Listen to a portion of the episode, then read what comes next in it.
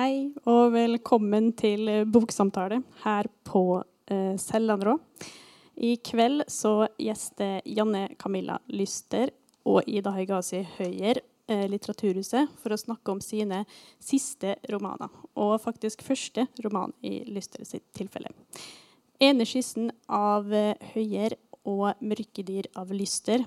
Det er begge ganske eksperimentelle romaner som skildrer hovedpersoner som filosoferer over menneskets dødelighet og grenser i livet, men kanskje spesielt i møte med kunsten.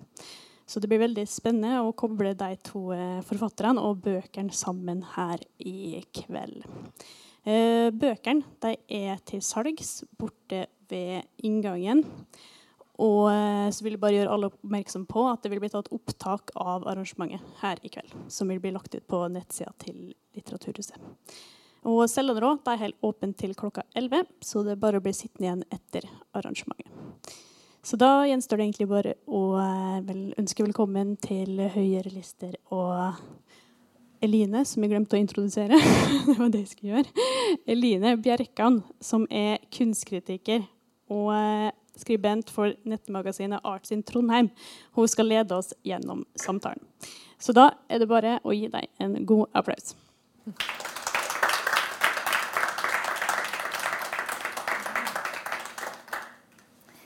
Takk eh, for, eh, for, det, Andrine. Jeg tenkte eh, jeg skal begynne litt med å bare si kort om hva de her to bøkene handler om.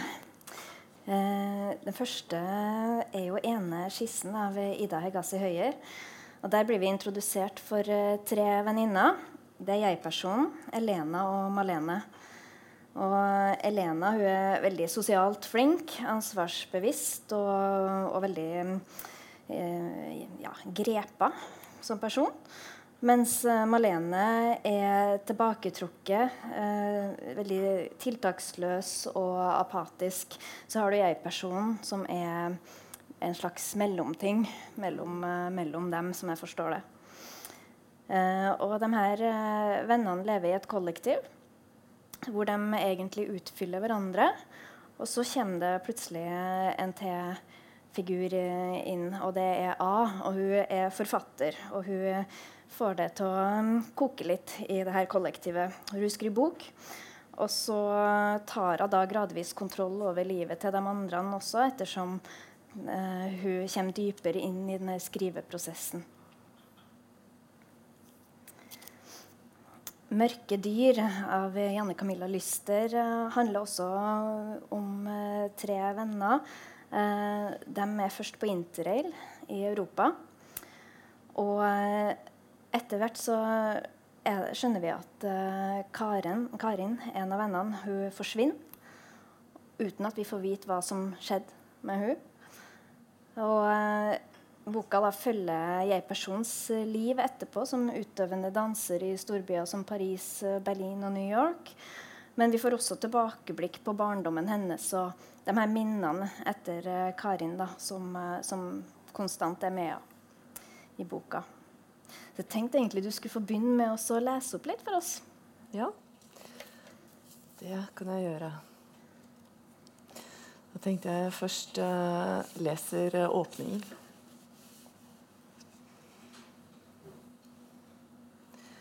Vi hadde akkurat funnet tre ledige plasser da vi oppdaget at Karin var borte. Det var tidlig på morgenen, men allerede en stigende hete i kupeen. Hun gikk sikkert inn i neste vogn for å lete, sa Viktor. Vi hadde vært på interrail i tre og en halv uke og hadde opparbeidet oss en viss toleranse for å komme vekk fra hverandre. Vi hadde laget avtaler om å møtes på byens største torg eller foran kirken i små landsbyer. Jeg holder av setene så lenge, sa jeg. Det føltes for godt til å være sant å finne tre ledige seter ved siden av hverandre. Riktignok langs veggen og med bagasjehyller over. Setene var plassert så lavt at det ville føles litt som å sitte på gulvet, men likevel. Jeg tok av meg sekken og la den på tvers over to av setene. Jeg snudde hodet mot vinduet på den ene siden mens jeg fortsatt sto lett foroverbøyd etter å ha sluppet tyngden av sekken fra meg. Himmelen var blek, lysende, begynnende blå. Et løfte. En dag det ville være naturlig å komme til et helt nytt sted. Drikke den klare luften idet vi gikk av toget i en liten landsby i nærheten av havet. Gå tett nedover smale brosteinsgater, barbeint. Karin, som nettopp hadde fått meg til å le. Viktor kom lett irritert ut av vognen foran. Hun er ikke der, sa han. Jeg kjente et lite hopp i magen, en spenning. Jeg ser i vognen bak, sa han. Hun var ikke der heller. Og ikke utenfor på perrongen for å trekke luft. Vi gikk sammen gjennom toget. Det var to minutter til avgang. Karin var vekk. Jeg heiste opp sekken. Vi gikk ned de tre trinnene på stigen og hoppet tungt ned på perrongen. Toget begynte langsomt å rulle vekk fra oss. Gjennom vinduet så jeg de tre seteryggene.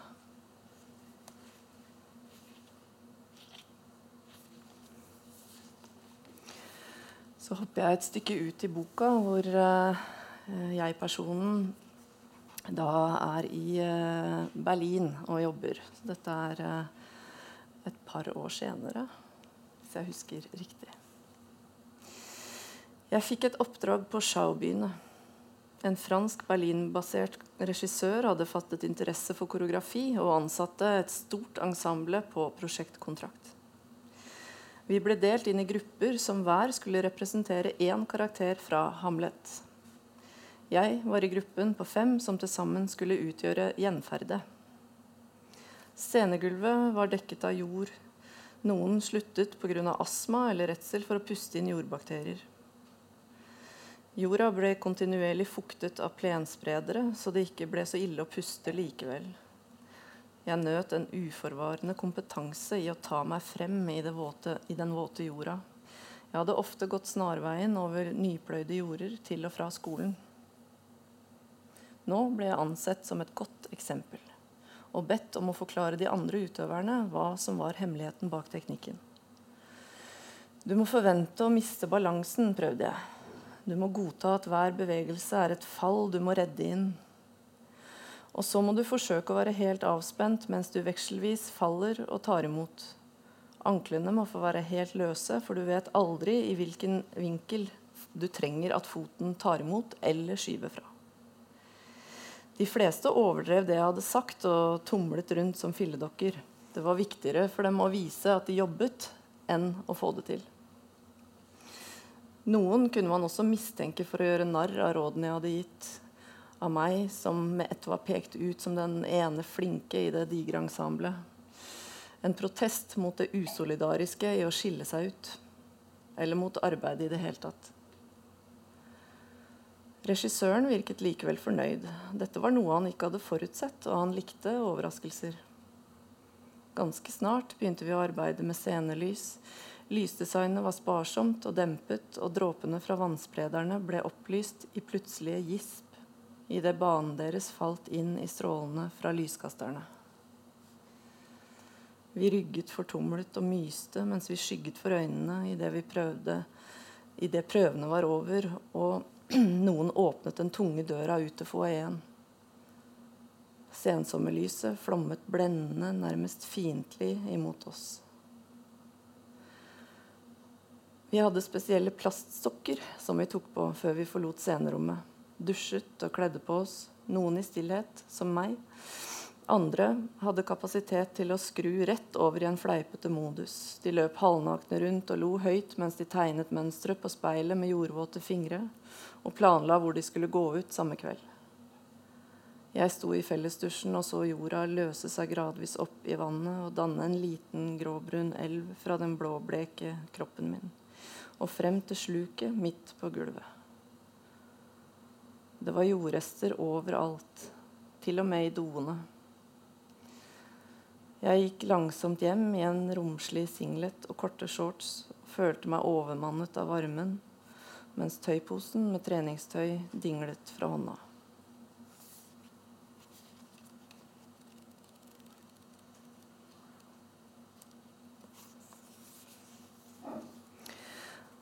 Så hopper jeg et stykke igjen, og nå er vi tilbake i tid. I tredje klasse ble Karin plutselig kristen. Hun hadde venner som gikk i speideren, og i sommerferien hadde hun vært med på en leir som viste seg å være av det sterkt forkynnende slaget. Da hun kom tilbake, leste hun Alfanøkkelen, et lite blad trykket i farger med forklarende tekster som skulle tjene som innganger til diverse bibelvers eh, og tegnesteriestriper om moral. Iblant gjemte hun den nyvunne troen, og alt ble som vanlig mellom oss. Men store deler av tiden var det nå en ny avstand mellom henne og meg. Jeg kunne ikke snakke om andre hvis de ikke var der. Det var baksnakking, selv om den det gjaldt, hadde gjort noe som en av oss var lei oss for. Hun måtte også be, etter hvert flere ganger om dagen. Hun sto bak sykkelskuret i skolegården med foldede hender, og øynene knepet hardt igjen. Jeg sto på trygg avstand og lurte på om hun sendte noen slags stråler opp til Gud gjennom de foldede hendene, og at dette nok tok en del energi, noe som kunne forklare det intense ansiktsuttrykket, men jeg turte ikke å spørre. De gangene hun var med meg hjem, tok hun foreldrene mine i hånda og neide da hun takket for maten. Jeg ble pinlig berørt på hennes vegne. Jeg ville hjelpe henne med å ikke gjøre seg selv til latter på den måten, men jeg visste ikke hvordan. Det virket for risikabelt å si noe, som om det kunne ødelegge en skjør, men viktig kraft. Til og med foreldrene hennes virket beskjemmet over gullkorset hun hadde begynt å gå med rundt halsen. De var lavmælte statskirkekristne av tradisjon som ikke tenkte videre over saken, og som syntes det var stemningsfullt med gudstjeneste på julaften. Det var blitt populært med overnattingsbursdager, og en fredag var alle jentene i klassen samlet i kjellerstua hjemme hos ei som het Hilde. Vi lå spredt utover gulvet på madrasser og liggeunderlag, de fleste i sovepose. Jeg hadde med dyne. Jeg håpet at Karin ikke kom til å be akkurat i kveld. Vi hadde fått pizza og sett Disney-film og hatt det morsomt på badet mens alle prøvde å pusse tenner og skifte til nattkjoler i et lett og fornøyelig kaos. Men hun hadde med seg Bibel. Hun trakk den høytidelig opp av sengen, opp av sekken med toalettmappe og klesskift da moren til Hilde kom ned og sa at vi måtte slukke lyset om ti minutter. Jeg krympet meg. Det virket ikke som om hun engang forsøkte å skjule at hun skulle lese i den. Hva er det, leser du Bibelen? Utrøt, utbrøt en av jentene uunngåelig. Karin nedverdiget seg ikke til å svare. Hun tror på Gud, prøvde jeg å forklare, men det var for sent. De andre fniste, forsøkte liksom å skjule munnen bak hendene mens de så på hverandre med oppsperrede øyne som om de holdt tilbake en storm av latter. Karin leste ferdig verset, eller hva det var, tilsynelatende uten å ense hva som foregikk rundt henne. Så la hun Bibelen tilbake i sekken, snudde seg over på ryggen, foldet hendene og knep igjen øynene. Ber du, eller? Spurte en av de andre jentene. De begynte å bli selvsikre i sitt nyetablerte fellesskap. Ikke noe svar fra Karin denne gangen heller. Men så kom moren til Hilde tilbake og slukket lyset. Stemningen løste seg gradvis opp. Det oppsto i stedet flere mindre samtaler. Noe som hadde med Donald-blader og lommelykt å gjøre. Eh, noen kavet seg ned i hverandres soveposer, og sammen lagde de lavmælte brøl mens de forsøkte å krype av sted. Jeg ble liggende ved siden av Karin i stille solidaritet. Men snart ble jeg interessert i en samtale som foregikk i fotenden av madrassen min. De snakket om verdensrommet. Jeg satte meg opp og akte meg nærmere. Jeg ønsket meg teleskop til jul det året og leste alt jeg kom over om stjerner og planeter. Jeg kunne sitte og fordype meg i bilder av stjernetåker i timer av gangen. Samtalen ble ekstra intens fordi det nå var sent på natten og nesten helt mørkt i kjelleren. Det var lett å kjenne at vi ble fraktet gjennom det enorme, svarte universet i en hastighet som var så høy at vi ikke engang kunne merke den. Så når sola gikk ned, er det like gjerne vi, jorda, som vipper opp, supplerte jeg. Etter en stund begynte en utrygg stemning å bre seg. Vi hadde tenkt oss for langt ut til å kunne sove, og hva med oss når sola en dag sluknet? Først, hvisket jeg. Først utvider den seg og brenner opp alt den kommer nær. Jorda også? Ja, det ble uhyggelig stille. Noen utbrøt i et slags forsøk på å redde oss her, nå, hente oss tilbake til den trygge og tullete nærheten. Kan vi ikke bare be Karin om å si til Gud at han skal redde oss, da? Lettelsen og latteren bredte seg. Vi hørte en av de voksne kremte i etasjen over. En som het Britt, hvisket videre. Syns hun har blitt så teit, jeg. Hun tenker bare på Gud og Jesus, liksom. Flere stemte i, til og med Guro, som kom fra en av de mest ivrige familiene på bedehuset. Hun nikket enig og nøt å for en gangs skyld være usynlig på den riktige siden. Hun står bak sykkelskuret og ber hver dag, sa jeg plutselig. Alle lo. Jeg angret med det samme. Ber hun på skolen også, jublet en. Hun er jo helt rar. Samtalen gikk videre til guttene i klassen og svingte kort innom den nye mattelæreren, før vi etter en stund endelig falt til ro, trygge av latter. Det gikk bra med oss likevel. Jeg lå på ryggen og prøvde å sove, men uroen ville ikke slippe taket. Og snart begynte den å vokse igjen. Jeg var ikke trøtt. Jeg gløttet bort på Karin. Hun gråt stille, helt uten å fortrekke en mine. Ansiktet hennes var glatt av svik. Takk.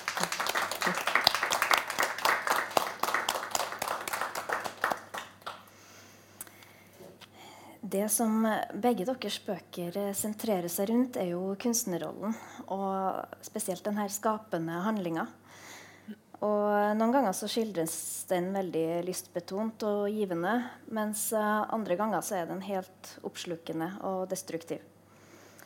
Hvordan vil dere sjøl si at dere erfarer denne balansegangen hvis dere tenker at kunstnerrollen er litt sånn motsetningsfull på den måten? da? Mm. Vil du Jeg snakka så lenge plutselig. Okay. Uh, du skal få talepause. Uh, ja, den er kjempemotsetningsfull. For meg, i hvert fall. Jeg tror det er det for, for veldig mange. Uh, men jeg tror at de som har Som, som driver med, med, kunst, da, og som har gjort det siden de var mindre, eller ja, De gjør det fordi de må. Mm. Ikke bare fordi det er gøy. Um, og, så, og, så, er det en sånn uh, balanse en gang mellom og, og at, man, at, man, jo skaper sitt eget univers, som jo er Det kan jo være et forferdelig univers, det, da, for så vidt, men det gir jo uansett et frirom fra, fra virkeligheten. Så uh, i hvert fall uh, for min del, da, så, så har det jo Det å skrive har jo mange ganger vært Eh, eh, hva skal man kalle det tilfluktsrom, mm. kanskje. Eh, hvis man ikke Ja, egentlig uansett hvordan man har det, så er det jo et tilfluktsrom.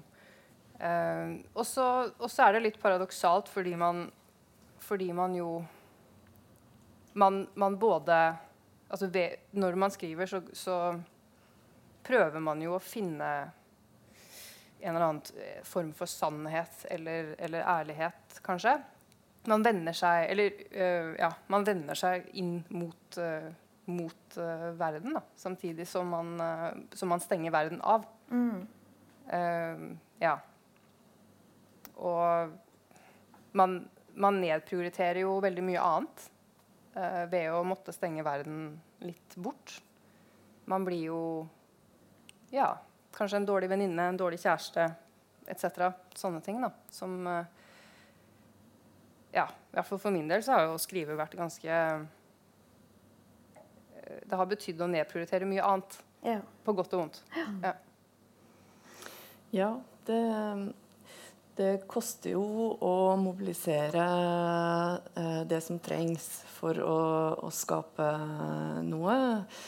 Eh, jeg tenker at noe av det mest motsetningsfylte i det for meg, er det der eh, når man begynner på noe, man kjenner liksom eh, den, eh, den, kraften man får gjennom å, eh, å skape noe. Eh, og så trekkes man liksom mot det der å, å ferdigstille det. ikke sant? At det skal bli ferdig. Mm. Så fort det er ferdig, så, så vender det seg litt sånn mot en. Fordi da er det ikke lenger en, en del av eh, en sjøl på samme måte. Det, det, eksisterer liksom litt sånn uavhengig. ikke sant? Eh, og, og, det der med at eh, disse bøkene man skriver, eller forestillingen man gjør, eller sånn det, det overlever jo en sjøl eh, også, ikke sant? Eh, og Håper vi. Eh, ja, men altså, det vil jo finnes på biblioteket, liksom, når, eh, når man er død. Det, Helt frem til sola svelger oss. Eh, ja, ikke sant? Eh, og da kommer med en gang den der usikkerheten. ikke sant? Kommer jeg noen gang til å klare å skape noe igjen? Mm. Uh, og det er noen som, det er i hvert fall et slags ordtak innen scenekunsten at man er aldri bedre enn den siste forestillinga man gjorde. Uh, og det kan jeg kjenne ganske mye på. Um, både når det gjelder skriving og, og dansing. Da. At uh, man kan aldri på en måte hvile. Man er aldri trygg. fordi hvis man skal fortsette, og det trenger jeg å gjøre, så, så, vet jeg at jeg alltid må mobilisere eh, mer enn det jeg eh, Mer enn det som er behagelig, på en måte. Mm. Eh, det er en pianist som heter Ellen Ugelvik, som har uttalt at hver gang hun skal inn i et nytt verk, så må hun ødelegge noe i seg selv. Og det kan jeg kjenne igjen. Er, man må gå til et sted man ikke har vært før. Uh, og i den prosessen så, så må man uh, knuse noe på en eller annen måte for, mm. å, for, å, komme videre. Det glir litt over i det jeg har lyst til å spørre dere om nå, og det handler jo om forsvinning. Mm. Um, for i din roman 'Janne Camilla' så skjer det jo umiddelbart at Karin forsvinner. Mm.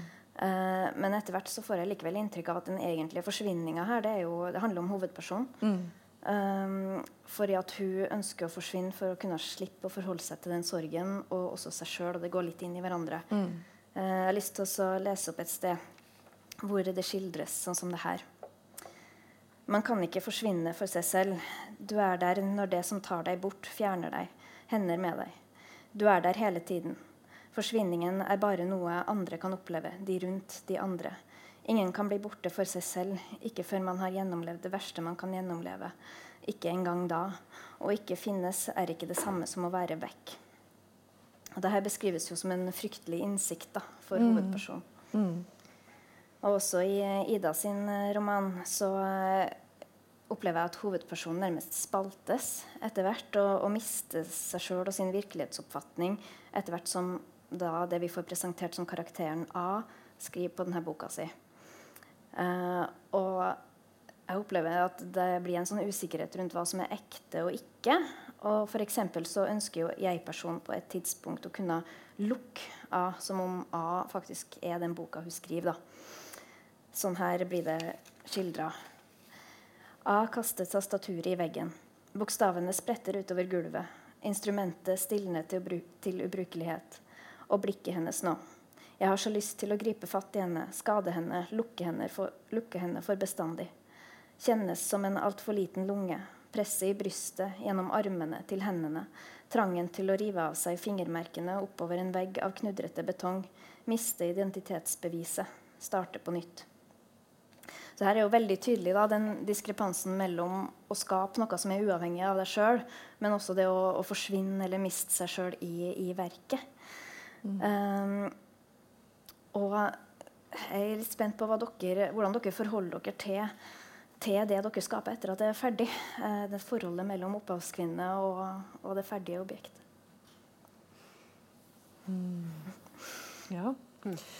Um, vet ikke om det, er, eh, det er kanskje litt uh, typisk, men jeg pleier å glemme det jeg har uh, gjort. Jeg Uh, kan glemme hva jeg har skrevet og, og sånn. Eh, fordi det er det, Mye dreier seg nettopp om denne eh, Å følge den kraften framover, på en måte.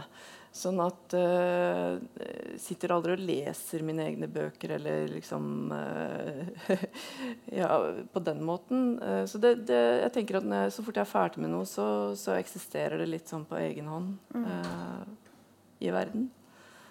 Og, Veldig enig i det. Ja. ja. For min del mm. også. Det er det å lage det som er triggeren for meg. da. Mm. Var du ferdig? for Ja, ja, vi kan ja. ja. Men mm -hmm. Det føles, nå sitter jeg faktisk og leser inn noen bøker som jeg skrev for mange år siden som lydbok. Og jeg har jo ikke lest dem siden jeg har, jeg har aldri, ja, altså, siden jeg skrev dem. Da. Og det, det, det er litt rart. fordi da blir det veldig tydelig at det ikke lenger kjennes som mitt, eller uh, at det var noe helt annet som, som bodde i meg da. Mm. Uh, og så er det blitt et, uh, et fremmedgjort objekt på et vis. Da. Men det har jo kommet fra meg, og det er jo artig så føles det alltid som en gave når man møter noen som har lest eh, noe, da, ikke sant, og sier eh, 'Å, det du skrev der', eller 'den eller den boka'. ikke sant? Så, så, så blir jeg både sjenert over at dette jo fortsetter å eksistere, liksom. Mm. Eh, men også veldig, veldig glad, fordi eh, man ønsker jo at det skal eh, leve, ikke sant? At det skal møte noen. Og forhåpentligvis bety noe for noen. Da. Mm. Så det er, det er, jo eh, dobbelt sånn også. Mm. Mm. Dere kan jo kanskje ja, bli overraska over hvordan det kan tolkes innimellom. Ja, mm. absolutt. Uh, nei, jeg falt ut av det. Mm. Ja. Jeg tenkte at du skulle få lov til å lese litt, uh, du, Ida. Ja. Uh, men da må jeg nesten si litt mer, mm. tror jeg, om boka. Uh, du sa det så pent, at, det var, at uh, hun Marlene var, eh, var, litt apatisk og, og, trist. Og Elena var sånn sosialt oppegående og blid og glad. det var jo å ta det litt pent, kanskje. Men de er jo veldig karikerte mennesker fordi de jo egentlig Dette er jo egentlig ikke en bok om om fire damer. Da. Det er en bok om én dame. Og de fire menneskene er eh, karak karakteristikker ved samme person. Så eh, når Malene eh, ligger i, i, senga si og er så lat at hun ikke orker å kaste tampongene i søpla, og heller bare kaster dem på gulvet i noe papir og spiser piller og har en sånn derre ja, hun, hun, er jo mer enn trist. Hun er litt sånn hvor, Hvorfor ikke hun ser, hun ser, absolutt ingen mening med noe som helst. da. Mens Elena er uh, Hun vil jo faktisk fungere. Uh, og vil ha et A4-liv, kanskje. Uh, egentlig et dårlig ord A4-liv, men hun vil jo i hvert fall i større grad ja, omgås venner, ha en, ha, en, kjærlighetsrelasjon, gjøre positive ting. da. Mm. mens jeg-personen er, er, i større grad en slags motstand og et kaos, og kanskje også summen av dem. Men så kommer A, da, som skriver, inn i dette bofellesskapet og setter masse regler for, for hvordan de må, må, øh, oppføre seg for at hun skal kunne skrive. Og hun skal ha skrivero. Så må, så, ja, blant annet så må de jo slutte å drikke. ikke sant? Og de må slutte å, å treffe ja, ikke treffe folk generelt, men, men uh, i hvert fall være mye mindre sosiale. Da. Og hun sperrer dem på en måte inne fordi hun skal, hun skal gjøre sitt prosjekt. Uh, og forfatterrollen er jo også uh, spalta. Så denne A, som setter premissene for, for, for hjemmet, da, hun, hun, hun, fungerer veldig godt bak tastaturet sitt, men hun funker ikke så veldig godt ute i verden. Hun kan jo ikke Uh, hun er ikke god med folk i det hele tatt. Hun vil ikke ha noe med mennesker å gjøre. Og så blir hun invitert på, på uh, litteraturarrangementer, som vi jo sitter og gjør nå. Uh, og, så, og, da må hun jo bruke Elena, da, som er den, den positive, blir jo egentlig den eneste som kan kommunisere, til å, til å bli med. ja, nå, nå bobler jeg i vei om boka, litt komplisert, men i hvert fall så er disse fire damene egentlig samme person. og Eh, det, det, kan selvfølgelig leses på begge måter, men, men uh, i og med at A skriver, så, så får jo jeg-personen etter hvert også en mistanke om at, om at, det egentlig er dem som blir utlevert. Uh, og for hver gang A tvinger med seg Elena til å gjøre sånn litteraturoppdrag for henne, så blir Elena, som egentlig er den, den fungerende og, og blide og, og oppegående og pene personen, hun blir mer og mer skada. Det er litt surrealistisk i boka, men hun, får, hun begynner å miste håret, og hun, hun, mister, hun endrer faktisk hudfarge. Og får et, et, et herpessår. Det begynner med et herpessår, da, og for hver gang hun må gjøre ting hun ikke liker, så, så vokser det såret lenger og lenger. Til slutt har hun et hull i hele ansiktet. Uh, så det jeg skal lese fra, er uh, Ja, det er vel midt i boka, uh, omtrent. Hvor, hvor da A har blitt invitert på, på en sånn snakkegreie.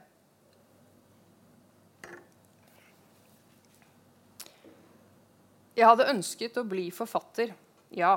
Men hvem var denne forfatteren jeg hadde fått lov til å bli? Hva var hun, og hvor? Hun var ikke meg, men åpenbart en del av meg. Det var meg man ringte til for å snakke med henne. Jeg kunne motvillig se hvordan bøkene dannet sitt eget rike.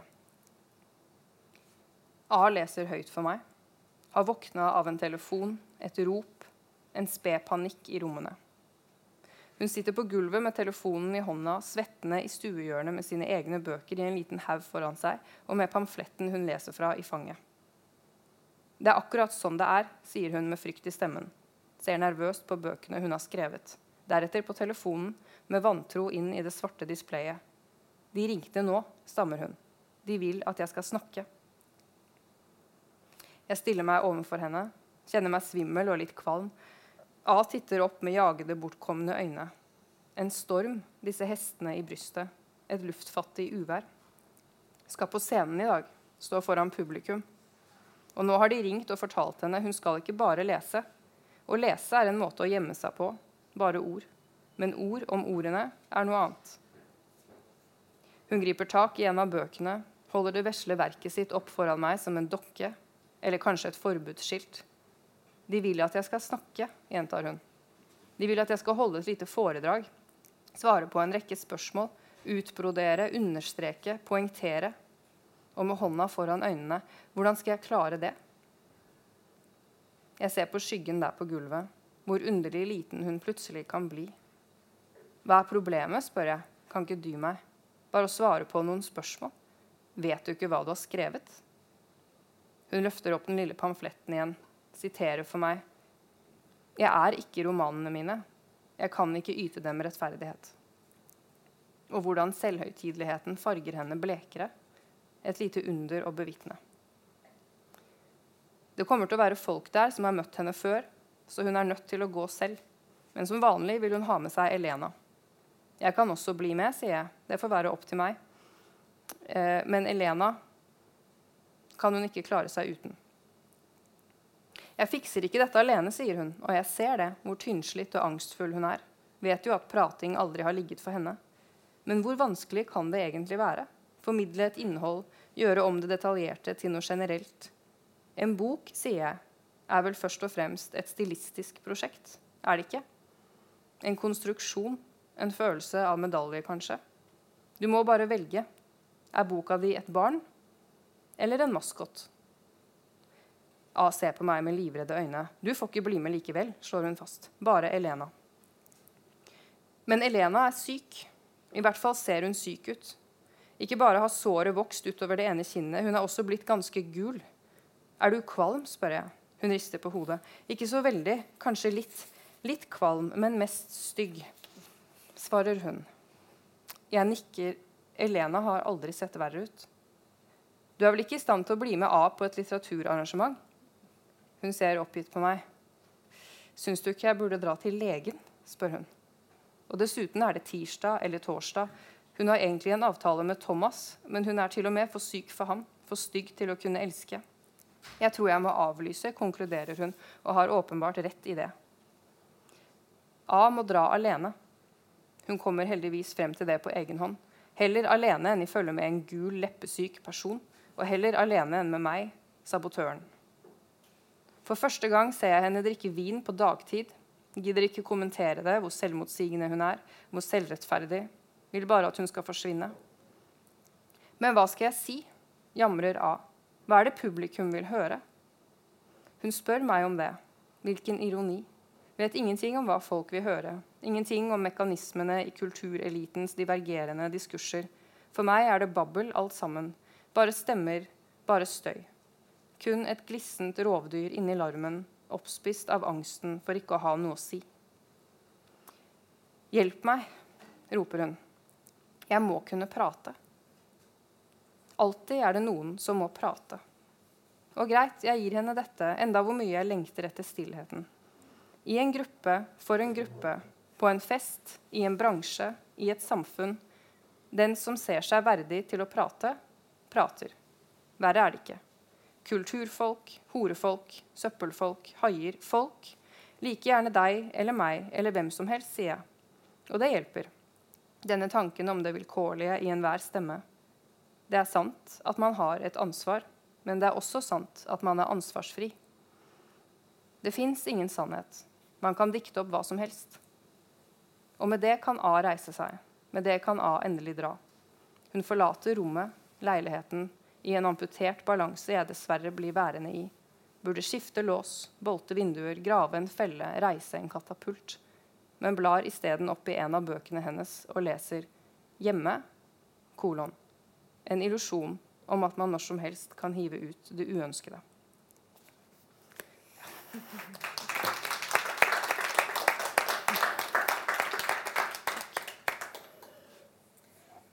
Er det en, em, egen erfaring med forfattersamtaler som skinner gjennom eh, her? Man overdriver alltid i bøkene, da. Ja. I begge bøkene eh, så blir vi eh, presentert for ulike former for eh, kunstuttrykk, eller i hvert fall ulike former å skape på. Uh, Janne Camilla, du nevner jo altså Det er jo en stor um, kunstflora her med både billedkunst, arkitektur og, og dans. Og i ene skissen så, så kan skapelsen like godt gå ut på det å gro en grønnsakshage eller å bære fram et barn. da. Ehm, så har vi jo allerede snakka litt om det her med altså det å jobbe kunstnerisk som en isolerende praksis, og at man må stenge ut verden litt.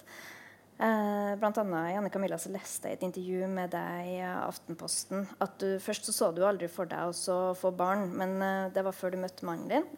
Eh, fordi at eh, da har det latt seg gjøre, for du- dere har samme forståelse for skrivearbeidet og faktisk hva det krever. da. Og det syns jeg sier en del. Eh, og det handler jo også om at man må, man må få kunne stenge ut litt av eh, hverdagen. Men samtidig eh, finner dere eh, innimellom det, det kunstneriske i hverdagen også, som f.eks. en grønnsakshage.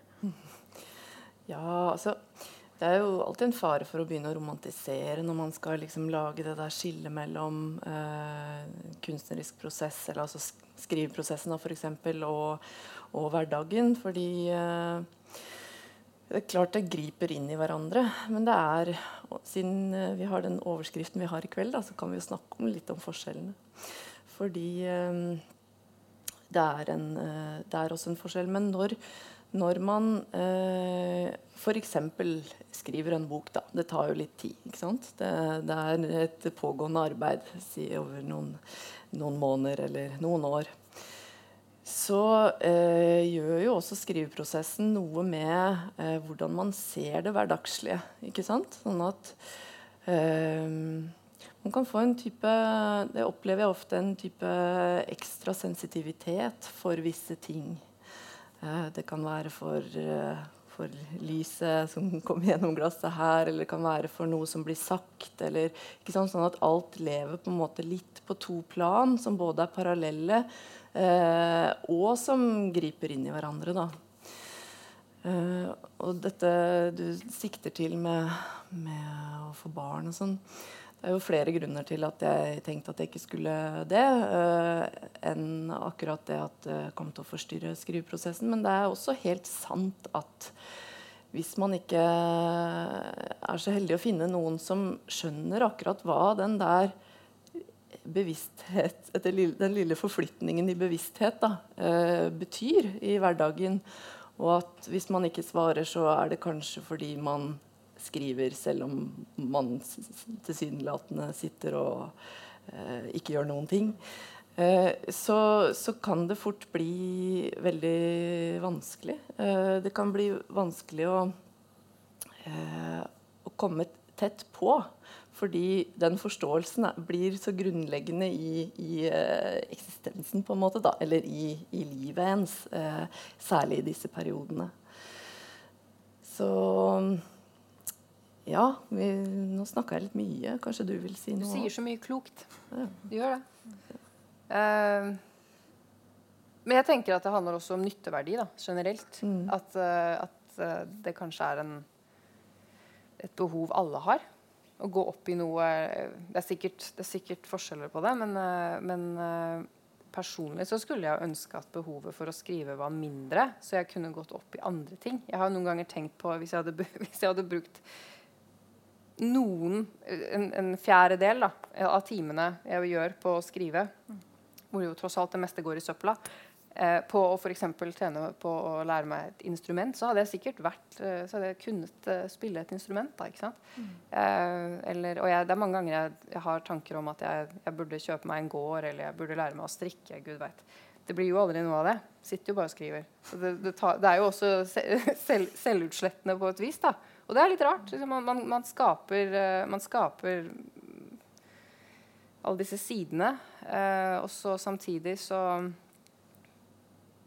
ja, så er det noe annet som, eh, som må uh, bøte på et vis. Og så, det også, blir det kanskje litt utydelig i, i denne skapelsen hva, hva, man gjør, hvorfor. Hva jeg gjør for min egen del, og hva jeg gjør for, for bøkenes del, er kanskje ikke like åpenbart mm. alltid. Uh, men jeg tror i alle fall uh, generelt at, at det å, å, skape noe er, er, en helt usannsynlig viktig drivkraft for mennesker. Da. Jeg tror det er en kjempestor kilde til depresjon sånn, sånn generelt. Og i vår tid hvor, hvor, hvor, det ikke er så vanlig egentlig å skape noe fra start til slutt. da.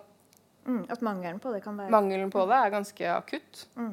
Før så hadde man jo i større grad arbeid hvor man, hvor man altså sånn I gamle dager da man skulle bygge en bil, så var man med på hele prosessen. ikke sant?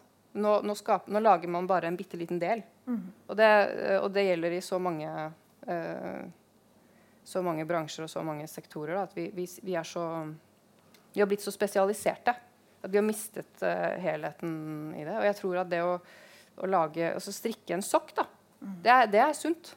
Mm. mm. Nytteverdien Bake et brød. Det, ja, hva som helst. Nytteverdien. Uh, det er ikke så farlig hva, hva det er, men jeg tror at det, det jeg, jeg, jeg, tror det er kjempeviktig. At vi rett og slett lager ting. Mm. Mm. Det virker som det er noe sånn primalt uh, overlevelsesinstinktaktig uh, som går inn i, i ja. det. Men um, Janne Camilla, du er jo både danser og forfatter. Og først så skulle jeg jo tro at det var to ganske ulike formspråk. Mm. Men her har du jo du på en måte Her gjør du begge deler, da? Mm, ja.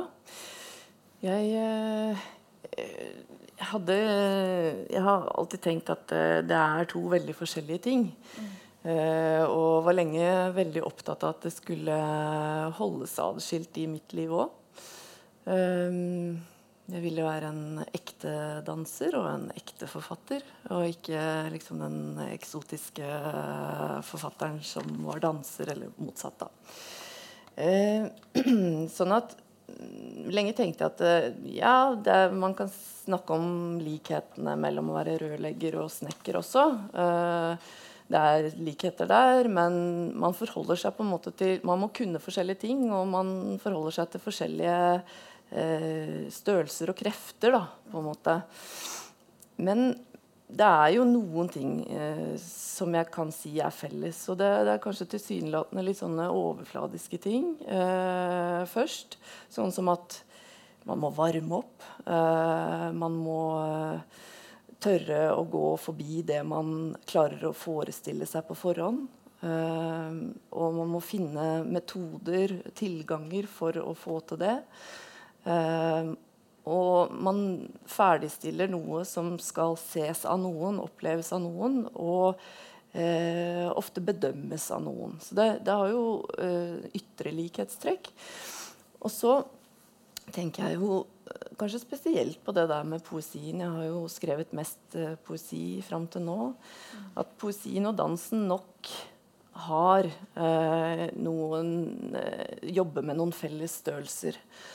Um, og at det, det, handler om Det, det skaper noen eh, resonanser, eller noen resonansrom på en måte i verden. Og at det ikke handler nødvendigvis om språket, ordene, men om det som stiger frem. Og litt det samme med bevegelse. At det handler ikke om liksom, bevegelsen derfra til dit, men virkningen av den bevegelsen. da.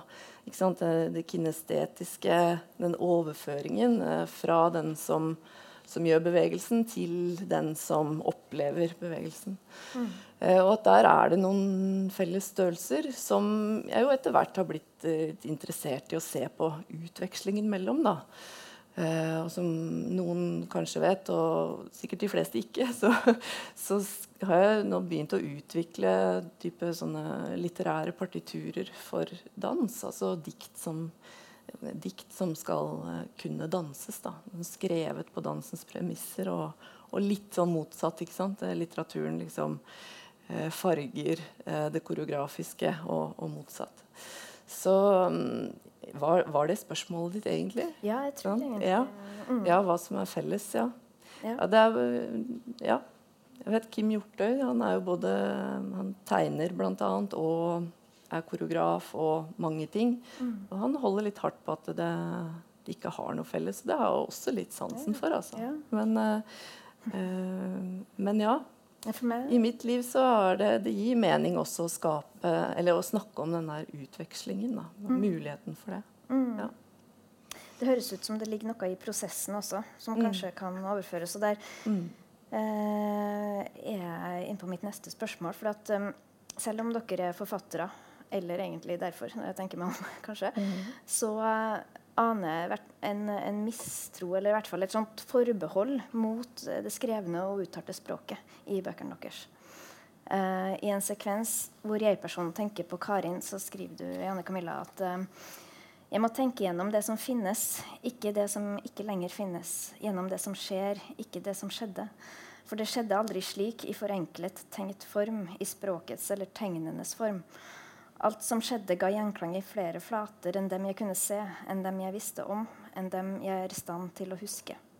Men etterklangen ligger der i åpningene, i mellomrommene, i glipene. Jeg må bare lytte bedre, nærmere. Og hos deg, da, så står det også som om ord skulle kunne rette opp i noe. Respons. Først når ingenting sies, så kan jeg like noen. Kun i stillhet kan om omformuleringer finne sted. Og det er derfor jeg sverger til hendene, gjøremål som ikke krever ord. Og så sier også jeg-personen på et annet tidspunkt blir jeg øde nok, tar jeg imot hva som helst. Går jeg langt nok inn bak huden, finner jeg et nytt språk. Opplever dere at eh, språket er begrensa? At det kommer til kort? Absolutt. Hele tida. Jeg hørte Det var noen eh, Jeg husker ikke akkurat hvem det var, men det var noen som sa at de syntes det var så fint med poesi, for at poesien var på en måte ærlig eh, om at språket var ruiner. Eh, bare kunne gjengi virkeligheten mm. gjennom sånn. Mm. Det, er jo, det er jo sånn at ved å navngi noe, eller gi noe et, et, ord, så endrer man også det man snakker om. ikke sant? Det er litt sånn grunnleggende ved språket. Samtidig som det jo muliggjør eh, at vi kan tenke visse ting som bare kan tenkes gjennom språket, mm. og som kan snakkes om bare gjennom språket. ikke sant? Men eh, jeg liker så godt det er et sitat av en som heter Emerson, som er sånn eh, Every word was once an animal. Eh, og eh, det syns jeg Det bruker jeg ofte når jeg, når jeg skriver, nettopp fordi at det er noe som liksom nedfelles i et ord eller i en setning. ikke sant? Og så eh, kan man tenke seg både at det betyr at det, er, at det reduserer det det snakker om, men også at det ligger noe der som liksom kan slippes løs. da. Og noen ganger så tror jeg at eh, i stedet for å prøve å liksom fange noe med språket, sånn fange den bevegelsen, f.eks., så må jeg prøve å sirkle den inn. Eh, og veldig ofte så er for meg skrivearbeidet nettopp det der å sirkle inn, eller lage de mellomrommene som gir en viss gjenklang, eller klang, da. Eh, heller enn å liksom Dette skal jeg nå si, eller dette skal jeg beskrive, og så og prøve å få til et én-til-én-forhold. Mm. Ja. Jeg syns dansen kommer litt gjennom. Ja. Mm. Jeg syns også det er interessant at med en gang man har sagt noe, Mm. så har man laget en fortelling. Altså Helt utenom at vi skriver bøker. Men mm. når du skal gjenfortelle noe som har skjedd, med, med språk, da, selvfølgelig, så, så, så har du skapt en, en story på et vis. da. Mm. Eh, og det betyr at du har laget en slags versjon. Eh, og, og det har ikke nødvendigvis noe med sannhet å gjøre. Det er jo masse eksempler på når folk skal gjenfortelle ting de har opplevd. Folk som har vært til stede i samme situasjon, så kan de gjenfortelle helt vidt forskjellige ting. Da. Og det øh, Det er veldig interessant og det er veldig fascinerende, men det er kjempeskummelt òg. Språket er ikke til å stole på. Vi er ikke til å stole på. Nei. Nei. Det bringer meg inn på det siste spørsmålet mitt, egentlig. For at eh, jeg opplever begge bøkene deres som fragmentert, men på ganske forskjellige måter. Eh, på, hos deg, Anne Camilla, så fremstår romanen nesten som en slags kollasj. Eh, for fortid og nåtid skildres om hverandre, og så er sekvensene veldig sånn kort og episodisk. Og fremstår ganske uavhengig av hverandre for meg. Hvis jeg, så har jeg klippet opp resten av spørsmålet mitt der. Um, mens uh, hos deg da, så, så er jo hovedpersons eh, personlighet splitta, sånn som du har sagt, og, og representeres gjennom flere ulike de her karikerte personene. Og, og I begge de tilfellene så syns jeg det her skaper en sånn drømmeaktig, surrealistisk ramme. Og når vi er inne på sannhet og, så videre, og det her med virkelighetslitteratur, som, uh, som er veldig hot topic, da, så, så, tenker jeg på om, det er, om dere syns at, at dere like godt kan si noe sant. At det er lettere å si noe sant gjennom den her litt mer sånn um, surrealistiske eller um, abstrakte metoden. Hmm. Det er kanskje et vanskelig spørsmål. Ja, um, ja jeg tenker jo at uh, uh, mørke dyr uh, er komponert med tre tidslag. Eh, og at det handler nettopp om å skape disse mellomrommene mellom mm, lagene i tid og, og, forflytningene mellom steder. Så er kanskje litt eh, Jeg har ikke egentlig tenkt på det som at de er uavhengige av hverandre, disse, disse eh, episodene. Men ja, altså dette med sannhet, ja. Jeg ser uh, er uh, noen som Hvem var det som skrev litt fint? Ja, Demian Vitanza skrev nettopp litt fint om det der med sannhet og, og virkelighet uh, og sånt. Og det, som du sier, det er veldig hot å snakke om virkelighet og sånn. Jeg syns det, det, det, er liksom litt sånn på villspor òg. Jeg kan fortelle om en reaksjon jeg fikk på denne boka. her. Da, fordi sant, Når man skriver i jeg-form, altså har en hovedperson som sier 'jeg', så, så, er det jo fort gjort at man ser veldig for seg uh, forfatteren. Da, ikke sant? Og særlig hvis man deler yrke og sånn, som jeg har, har uh, gjort med denne her. Uh, jo, jeg fikk, fikk, en respons da, litt sånn En litt sånn fornærmet person som mente at jeg hadde skrevet om, om noen fra, fra hjemstedet mitt. Men at jeg ikke hadde gjort det riktig. Jeg hadde ikke sagt det altså Beskrivelsen var feil. da. Eh, og da tenkte jeg ja, det er jo liksom både feil å, å skrive om noen, men, eller noe, men det er også eh, Man skal også gjøre det riktig, på en måte. da. Så det, ja, det var litt sånn eh, Jeg syns det sier noe om hvor, hvor den si debatten da, liksom bringer oss. Det blir, blir mye forvirring og, og, litt lite fokus på litteratur. da. Eh, men ja, selvfølgelig vil man fortelle noe som har relevans for, for uh, her vi lever, ikke sant? I øyeblikket vi lever i. Og, og at vi kan snakke om, om sannhet ut fra det, det syns jeg gir helt mening. Um, dette med, med formen i, i, 'Mørke dyr' og liksom relasjonen til sannhet da, eh, altså, verden er jo som, som, Ida sier, da, man lager jo en fortelling når man snakker om noe. Men verden oppleves jo ofte på, på veldig mange plan og eh, ofte litt sånn brokkvis, og så setter man det sammen til et slags, eh, et slags, forløp da, i løpet av livet. ikke sant? Og det forløpet endrer seg jo også i løpet av livet. Det er også et, sånn nei, et uttrykk som er sånn at barndommen liksom, man, den endrer seg hele tida. Og det tror jeg veldig på. Um, altså fordi man hele tiden er i bevegelse. Man kommer til et nytt sted. Man skjønner noe på en måte som kaster lys bakover.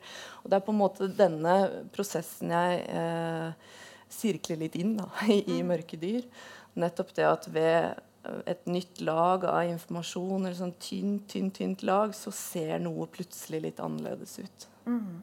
Mm. Mm. Det er mye bevegelse hos deg òg, eh, Ida, syns jeg. ja. Utvikling. Ja, det er mange som har sagt det motsatte. Ah, ja. Jeg tror en, en, som hadde lest boka mi, sa 'herregud, Ida'. Det er absolutt null utvikling i den boka der. det er begge deler. Ja. Man kan se det eh, begge veier, tror jeg. Men uh, Faen, så depressivt. Null utvikling. Herre Jesus. Men, uh, men det du sa med at det er fragmentert og Det er det jo. Uh, og jeg har jo fragmentert det veldig mm. med at jeg har laget disse karikerte karakteristikkene. da. Uh, men sånn tror jeg vi er. Vi, vi, har, jo, vi har jo en kanskje en, en sånn vanlig idé om at vi som individer er ganske helhetlige. Og, eh, men eh, på en måte er vi jo det. Men, men eh, vi er jo spalta og, og mot, selvmotsigende. Og jeg tror alle er ambivalente og kjenner på, på uregjerlige viljer da, i seg selv. Uh, så jeg, jeg, tror det er et ganske vanlig å ha liksom ja-stemmen og nei-stemmen uh, der. Og så, og så, valgte jeg en sånn, eh, en sånn, måte å gjøre det på, da. Som, eh, som kanskje er like, ja, like, sann som noe annet. Jeg tror ikke, jeg tror ikke nødvendigvis at det, blir, at det, blir, mindre sant fordi det blir satt på spissen. Mm. Og jeg er jo litt tilhenger av, av å legge på litt. Eh, når man først driver med, med, med skrift eller kunst. Da. Det er, har, det er jo ja, i virkelighetslitteratur som vi også er eh, ganske lei av. Og, og som fenomen, og liksom måten, man, måten, det blir snakket om på, så, så ligger det et sånn premiss om at eh, det som har rot i virkeligheten, da, eller det som kan kalles realistisk, har en slags opphøyd verdi. Tror jeg. Eh, og samtidig så blir det jo sagt Jeg har hørt flere si at det, man, man savner noe annet. ikke sant? At man, man er lei av, av uh, at det er for mange bøker som ligner på hverandre, og man har, man har lest det samme om og om igjen. Og, uh, men, uh, men når det først kanskje kommer noe som er absurd eller eksperimentelt, så blir det ofte møtt med ganske stor motstand òg. Mm. Jeg, jeg, tror i hvert fall, for min egen del, altså ikke for noen andre, at, jeg, at, at det, er, det, er, poenget med, med skrivingen. Da. At man har der, et, et blankt ark eh, som man kan fylle med, med, hva man vil. Og for meg er det, er det frihet. Da. Og jeg ser ikke noe vits i å bruke halvparten av det arket. Mm. Hvis man kan uh, kladde på og, og, og, gå bananas. Man kan gjøre hva man vil med det arket. da. Og, og, det er kanskje det eneste rommet som er igjen i, i livene våre, da, som er uh, utrolig pliktbaserte. Vi er jo flinke hele tida. Mm. Uh, og det fins koder for hvordan man skal oppføre seg i enhver situasjon.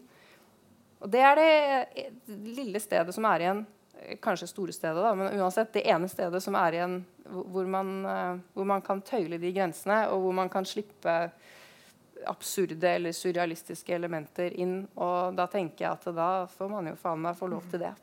ja. Jeg syns det passer bra som siste ord før vi Rekk en liten spørsmålsrunde. Det tror jeg vi gjør. Hvis det er noen som har noe.